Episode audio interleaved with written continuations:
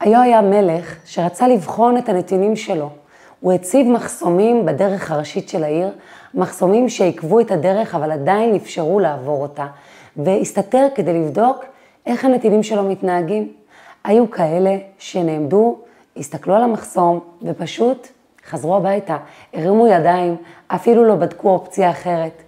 היו אנשים שנעמדו וחיכו שמישהו יסיר את המחסומים ויעזור להם, אבל לא נקטו שום פעולה.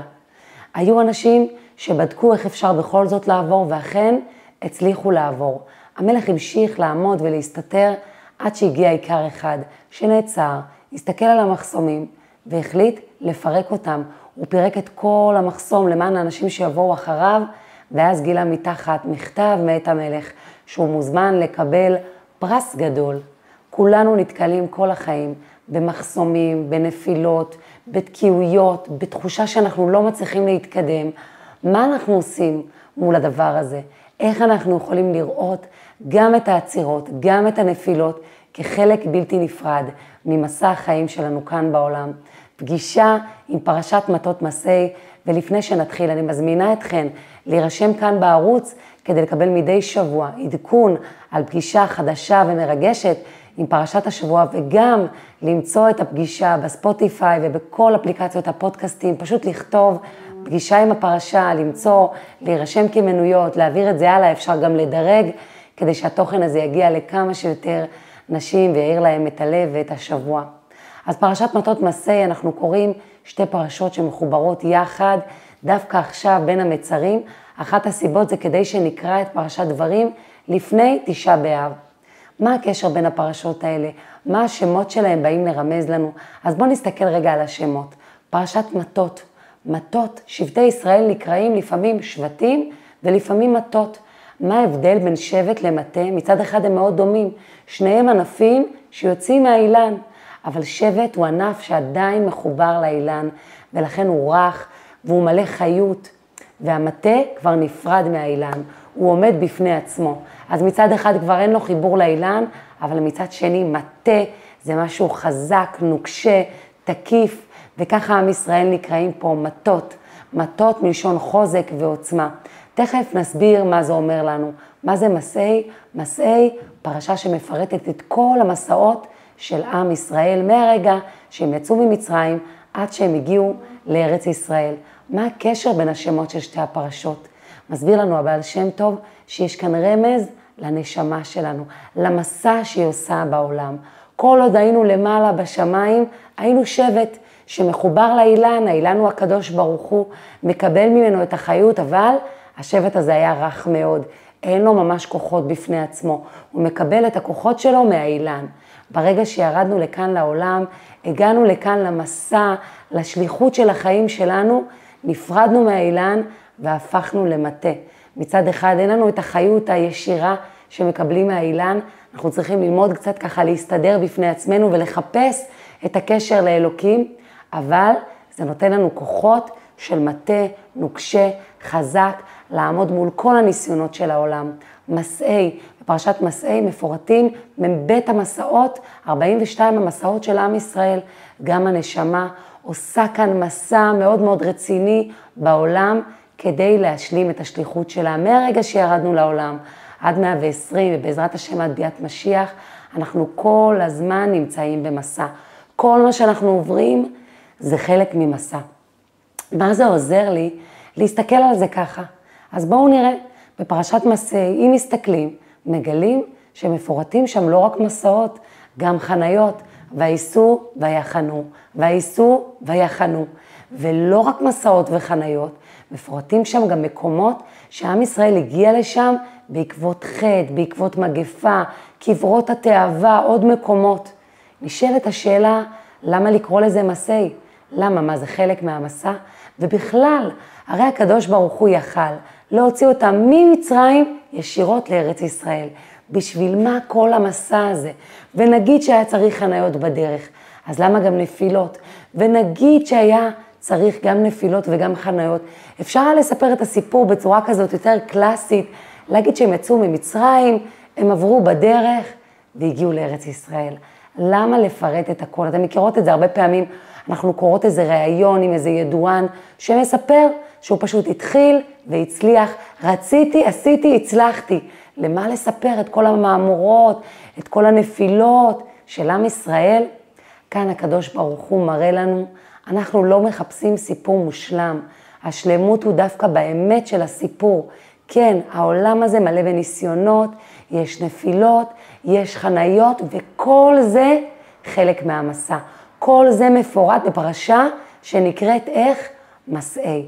ואם נחזור למשל שסיפרנו בתחילה על המלך, אז יש את האנשים שרואים ניסיון, שרואים עצירה, שרואים משהו שחוסם אותם, זהו, מרימים ידיים, אני לא עושה בכלל.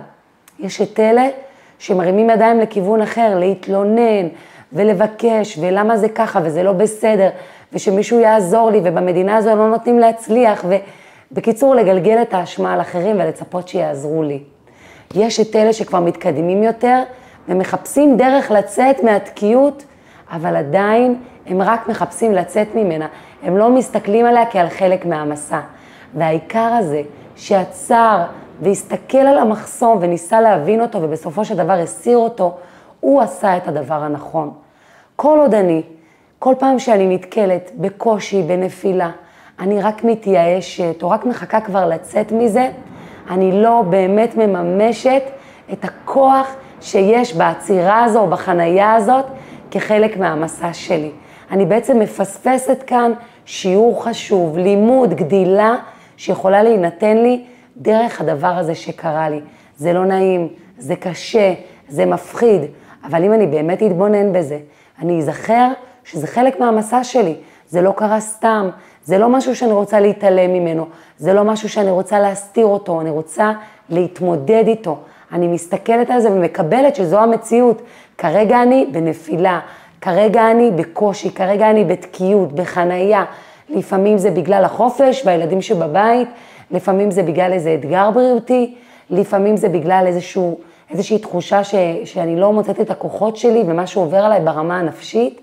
לפעמים זה בגלל שאני נופלת שוב ושוב לכל מיני תאוות, לכל מיני דברים שמבזבזים לי את הזמן ואת האנרגיות, אבל כל עוד אני רק אאשים אחרים, או אחזור אחורה ויגיד, זהו, אני לא עושה כלום, או אפילו יגיד, אני רק רוצה לצאת מזה, לא עשיתי בזה כלום.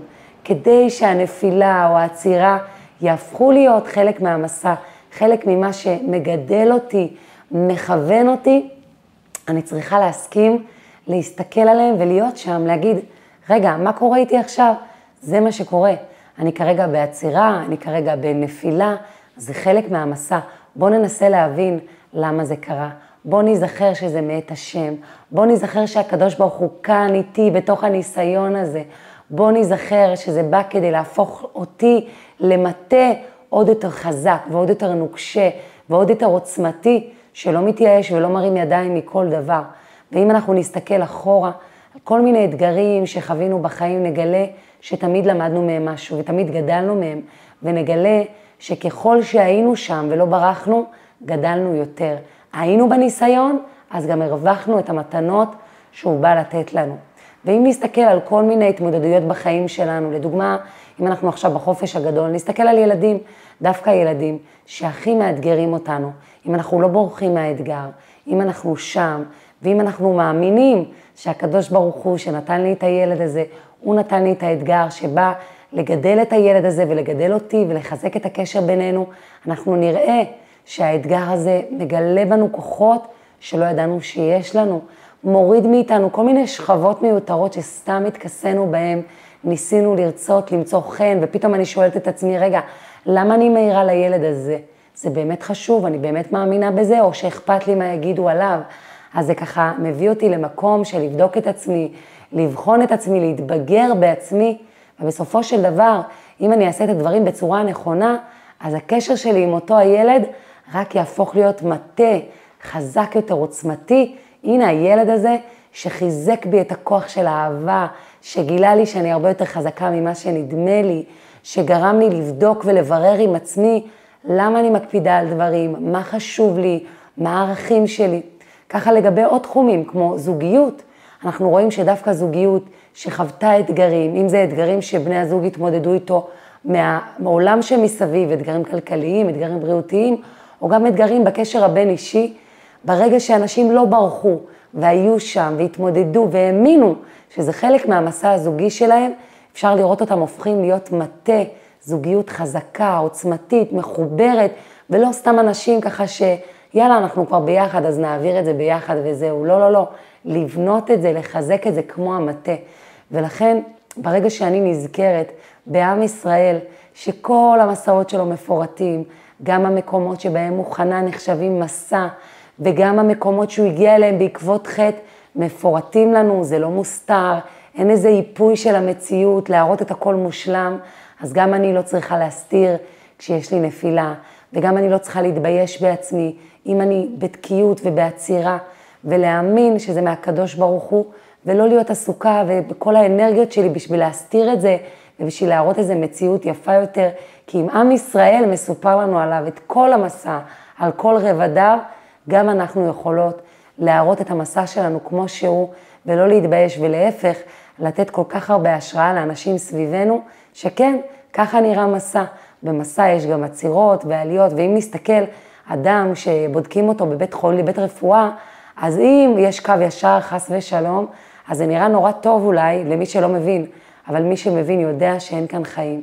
ואיפה שיש חיים, יש עליות וירידות. זה החיים, עליות וירידות, זה לא נעים, אבל זה החיים. וברגע שאני מקבלת את זה, מקבלת את עצמי, גם כאדם שלפעמים נופל, מקבלת את עצמי גם כאדם שלפעמים נתקע, מקבלת את מציאות חיי ואוהבת את עצמי, גם כשנפלתי, גם כשנתקעתי, זה מה שנותן לי חוסן ועוצמה לקום מהנפילה, להמשיך הלאה מהתקיעות ולהפוך להיות הרבה יותר חזקה ממה שהייתי עד עכשיו. ואנחנו רואות שממש בתחילת פרשת מטות, לקראת הכניסה לארץ ישראל, משה רבינו מדבר עם עם ישראל על העניין של נדרים. שאדם שנודר נדר, הוא לא יחל את נדרו, הוא לא יכול לחלל, הוא לא יכול לזלזל בדברים שהוא נדר. כי יש כוח מאוד גדול לדיבור שלנו, להתחייבויות שלנו, ונותנים לנו דוגמה, הרמב"ם נותן דוגמה מאדם שאומר על פרי מסוים, שזה יהיה פרי שאני אביא קורבן, זהו, הוא לא יכול לאכול מהפרי הזה. המציאות של הפרי הזה השתנתה, הוא הפך להיות בקדושה של קורבן מעצם הדיבור וההתחייבות שזה יהיה קורבן. אז רגע נסתכל כמה כוח יש לדיבור שלנו, להתחייבות. אני תמיד אומרת שאדם מתחייב למלא את שליחותו מלמעלה, שולחים לו שליחים שיסייעו בעדו. אז כמו אותו פרי, שברגע שנדרו שהוא יהיה קורבן, הוא כבר הפך להיות משהו כבר לא פשוט, שאי אפשר סתם לאכול, ככה גם אנחנו, כשאנחנו מתחייבות, עוד לפני שעשינו את זה, אם אני מתחייבת להאיר את העולם יותר באור המיוחד שלי, אם אני מתחייבת שכשיהיה לי אני אתן יותר צדקה, כל מיני התחייבויות חיוביות כאלה, זה כבר משנה את המציאות של החיים שלי, כי יש כוח מאוד מאוד חזק לדיבור. אבל משה רבנו אומר להם על הנושא של נדרים, ובכלל אנחנו רואות שיש התייחסות שונה לגמרי לנדרים מכיוונים שונים. מצד אחד אומרים לנו, דייך מה שאסרה תורה, מה אתה צריך לאסור על עצמך עוד דברים יותר ממה שהתורה אסרה עלינו, להוסיף עוד נדרים ואיסורים. ומצד שני אומרים שאדם שהוא נודר, זה מראה על מעלה מאוד מאוד גבוהה, כן? הוא, הוא נודר, פריש, זה סמל של פרישות ושל קדושה, אז מה, מה באמת מצופה מאיתנו לעשות? כן לנדור או לא לנדור? בסדר, אם נדרתי אני צריכה לעמוד בזה, אבל מלכתחילה? אז מלכתחילה מסבירה לנו התורה, ולא סתם זה נאמר לנו לקראת הכניסה לארץ ישראל. הרי המרגלים לא רצו להתמודד עם הארץ, הם לא רצו להתמודד עם הגשמיות, הם רצו להיות במדבר, הם רצו להיות מודרים ופרושים מכל ההתעסקות עם העולם הזה. למה? כי זה יכול להביא גם נפילות. וכאן בא הקדוש ברוך הוא ואומר לנו כזה דבר. מלכתחילה, אני רוצה שתיכנסו לארץ ישראל, ואל תנדרו נדרים, דייך מה שאסרה תורה.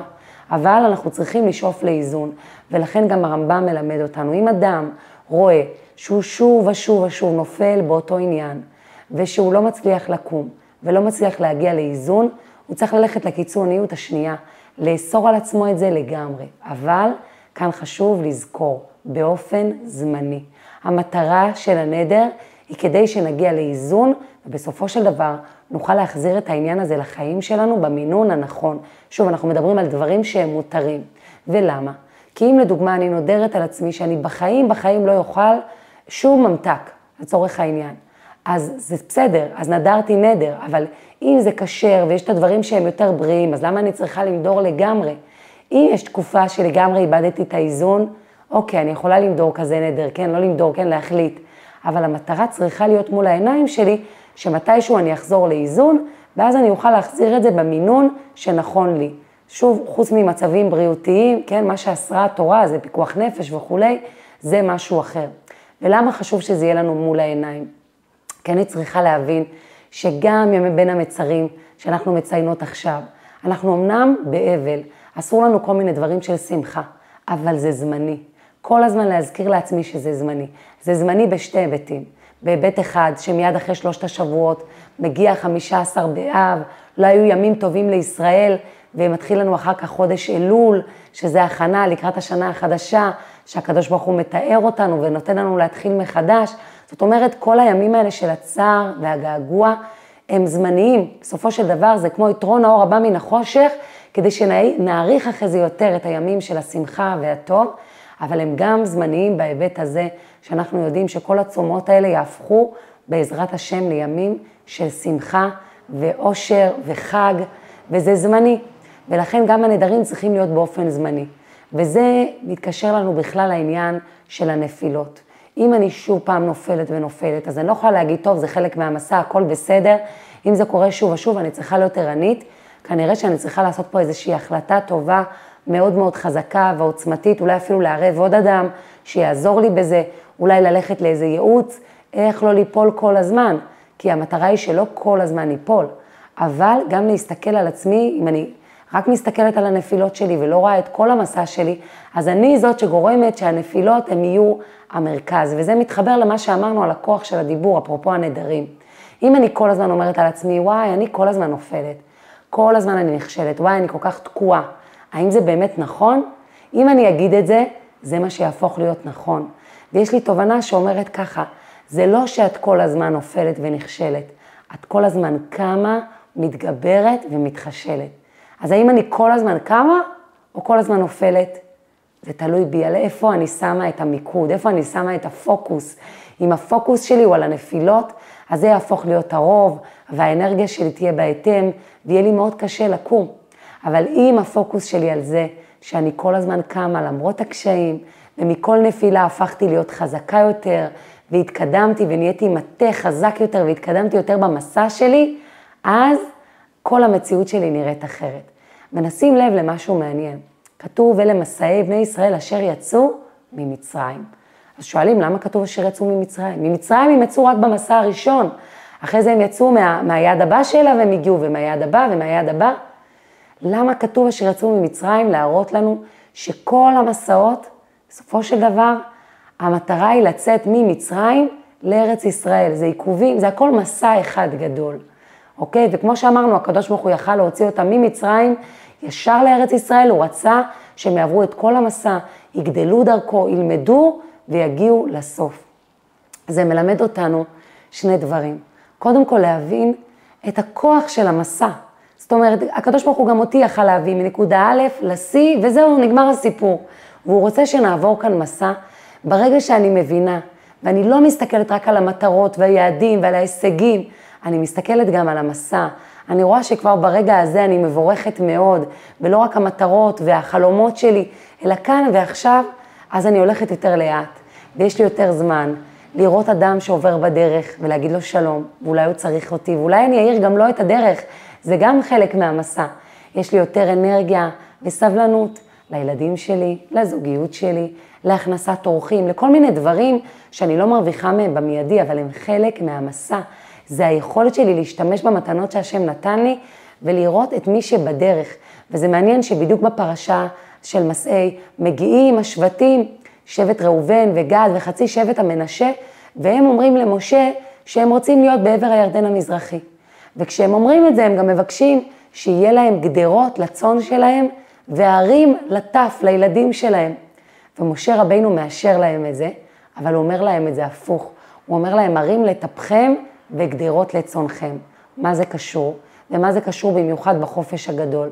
כי הרבה פעמים מרוב יעדים ומטרות, הצאן זה הפרנסה, כן?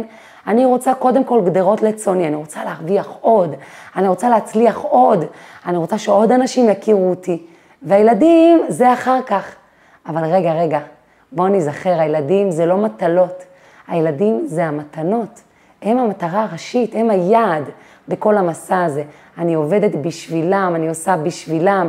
הם האור הגדול שזכיתי להביא לעולם הזה, לחנך אותם, שימשיכו, שיתנהגו בצורה הנכונה, שימשיכו את הדרך של הסבים והסבתות שלי.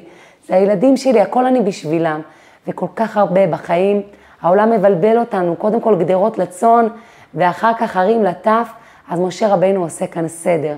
וכשאני קולטת ומבינה שגם אם התעכבתי עכשיו בגלל ילד קטן, וגם אם נעצרתי עכשיו בגלל ילד גדול יותר, שיש איתו כל מיני התמודדויות, וגם אם בחופש אני עושה פחות כי אני איתם, אבל אני צריכה לזכור, הילדים האלה, אני בשותפות עליהם עם הקדוש ברוך הוא. זה העסק הכי רווחי שיש לי.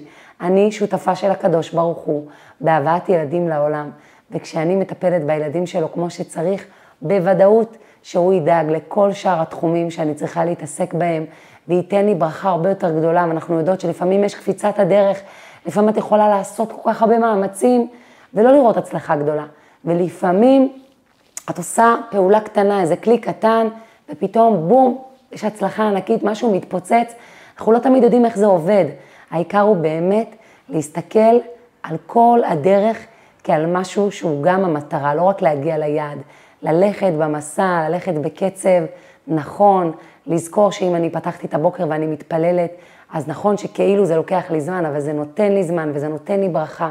ואם אני עצרתי באמצע והתיישבתי עם ילד שצריך אותי עכשיו, אז אני עשיתי דבר ענק, ובשמיים ייתנו לי הצלחה עוד יותר גדולה. ולמה? עכשיו נסביר את זה יותר טוב. עם כל המסעות אשר יצאו ממצרים, זאת אומרת, כל המסעות, כל החניות, הכל הכל היה ממצרים, אני צריכה להקביל את זה גם לחיים שלי. הרבה פעמים אני מתבלבלת. נראה לי שאני במסע לעבר ההצלחה, אני במסע לעבר המודעות, התודעה שיכירו אותי. אני צריכה להזכיר לעצמי, כל המסע שלי כאן בעולם הוא כדי לצאת ממצרים. לצאת מהמיצרים האישיים שלי, מהמיצרים שהופכים את הצינור שלי, שמחבר ביני לבין הקדוש ברוך הוא לצער, הם גורמים לי צרה וצער. מה זה המיצרים האלה? המיצרים האלה זה כל הפעמים שאני נכנסת באמת למחשבה שרק אם אני ארוויח יותר ורק אם אני אצליח יותר, אז יהיה לי טוב. ואז אני הופכת להיות עבד של כל מיני מצרים, כל מיני עבודה זרה. ומה זה עבודה זרה? כמו עם הנדרים, עבודה זרה זה יכול להיות משהו שמלכתחילה הוא ממש חיובי.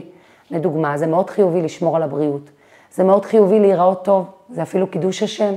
זה מאוד מאוד חיובי שהבית שלי יהיה נקי ומסודר. אבל אם אני לוקחת את אחד הדברים האלה והופכת אותו לדבר הכי חשוב, זה הופך להיות סוג של עבודה זרה, זה הופך להיות סוג של מצרים, שאני עובדת אותו. זה לוקח את כל המידות הכי פחות טובות שלי וגורם להם להיות בעוצמה שלהם, בשיא שלהם, את כל הפרפקציוניזם ואת כל החוסר סבלנות ואת כל הביקורת ועוד כל מיני תכונות, זה מביא אותם לעוצמה מאוד חזקה, ואז זה שם אותי במיצר שאני לא מצליחה להרגיש את הצינור שמחבר אותי לקדוש ברוך הוא. ולכן, בואו נדבר הפוך, באופן חיובי. אני צריכה להזכיר לעצמי כל הזמן, והמודעות פה היא העיקר. כל מה שאני עושה, כל המסעות שאני עוברת, כל הפעמים שאני חונה ונעצרת, כל הפעמים שאני נופלת ונכשלת, זה חלק ממסע, חלק משליחות לעשות את רצון השם. וכשאני זוכרת שזה לעשות את רצון השם, רק אז השליחות תתגשם. וכשאני זוכרת לעשות את רצון השם, אז אם מישהו עיכב אותי, זה לא כל כך מפריע לי, כי אני יודעת שהעיקר לעשות את רצונו, ואם עזרתי למישהו זה בכלל לא עיכוב. ואם אני זוכרת שכל המסע הזה כדי לצאת ממצרים, אז אם מסתיים יום, ואולי לא הרווחתי יותר מדי, ואולי לא קיבלתי יותר מדי פידבקים, אבל ביום הזה הצלחתי לא לכעוס, אז וואו, יצאתי ממצרים. ביום הזה הצלחתי לא לבקר את עצמי, אז יצאתי ממצרים. ביום הזה הצלחתי להיות בשמחה, ולא נתתי למיצרים של הצער והכעס והכאב להשתלט עליי, אז הצלחתי בענק. אני צריכה לזכור שזו המטרה שלי, וכמובן שאם המטרה שלי תצא, תהיה לצאת ממצרים, וכל יום אני אצא מאוד מיצר ומאוד מיצר, ברור שאני גם אצליח בעשייה שלי ואני ארוויח יותר, ומערכות היחסים שלי יהיו טובות יותר, כי זה משפיע על הכל. אבל כל עוד אני הופכת איזה תחום אחד, ולפעמים כמה תחומים, לאליל שלי, לדוגמה, אם אני מחליטה שהכי חשוב בעולם, שהבית יהיה נקי ויהי מה, ועכשיו חופש גדול, וזה הרי לא סביר, בית צריך להיות נקי ומסודר באופן נורמלי, אבל אם יש ילדים זה הגיוני שיהיה קצת בלאגן מדי פעם וקצת לכלוך, ואם זה קורה בחופש הגדול, אז על אחת כמה וכמה זה הגיוני.